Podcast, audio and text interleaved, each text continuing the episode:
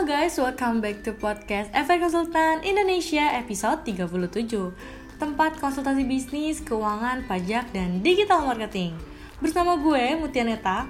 Di episode kali ini gue yang akan menemani kalian dalam beberapa menit ke depan. Yang pastinya dengan topik yang seru dan membangun buat kaum milenial. Are you ready to be billionaire at a young age? Pastiin lo dengerin sampai selesai ya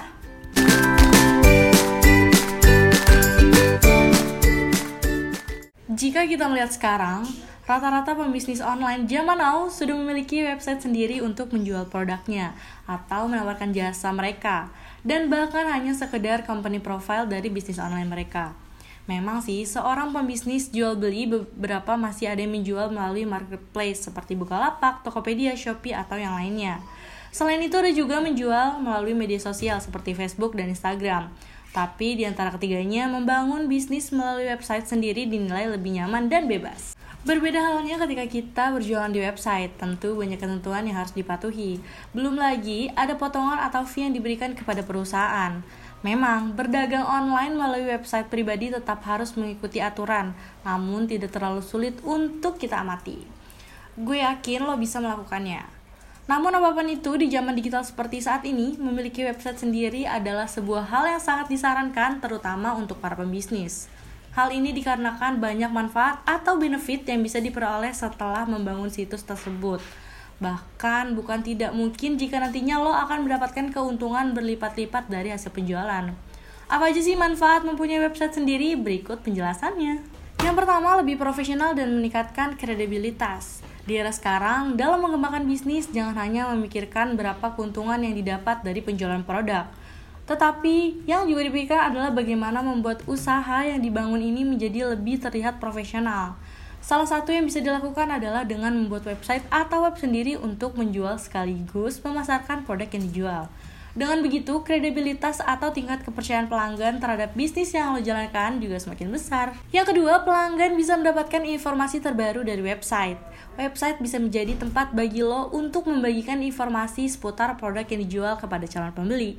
Cara seperti ini dinilai lebih efektif dan bisa membangun banyak jaringan yang nantinya membawa dampak positif yakni hubungan timbal balik yang baik dengan pembeli sehingga peluang lo untuk mendapatkan repeat order juga semakin besar. Tentu lo ingin seperti itu bukan? Yang ketiga, website bisa diakses 24 jam.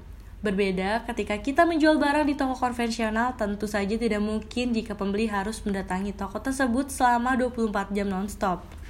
Berbeda halnya jika kita memiliki laman tersendiri untuk menjual barang atau jasa. Web bisa diakses kapan pun dan di mana pun. Sekalipun pada saat itu lo sedang tertidur. Hal ini dapat memberikan kenyamanan bagi pelanggan lo untuk mendapatkan informasi yang mereka butuhkan. Yang keempat, dapat menjangkau target pasar yang lebih luas. Website menjadi tempat alternatif yang cukup menarik untuk mempromosikan bisnis baik itu berupa barang maupun jasa.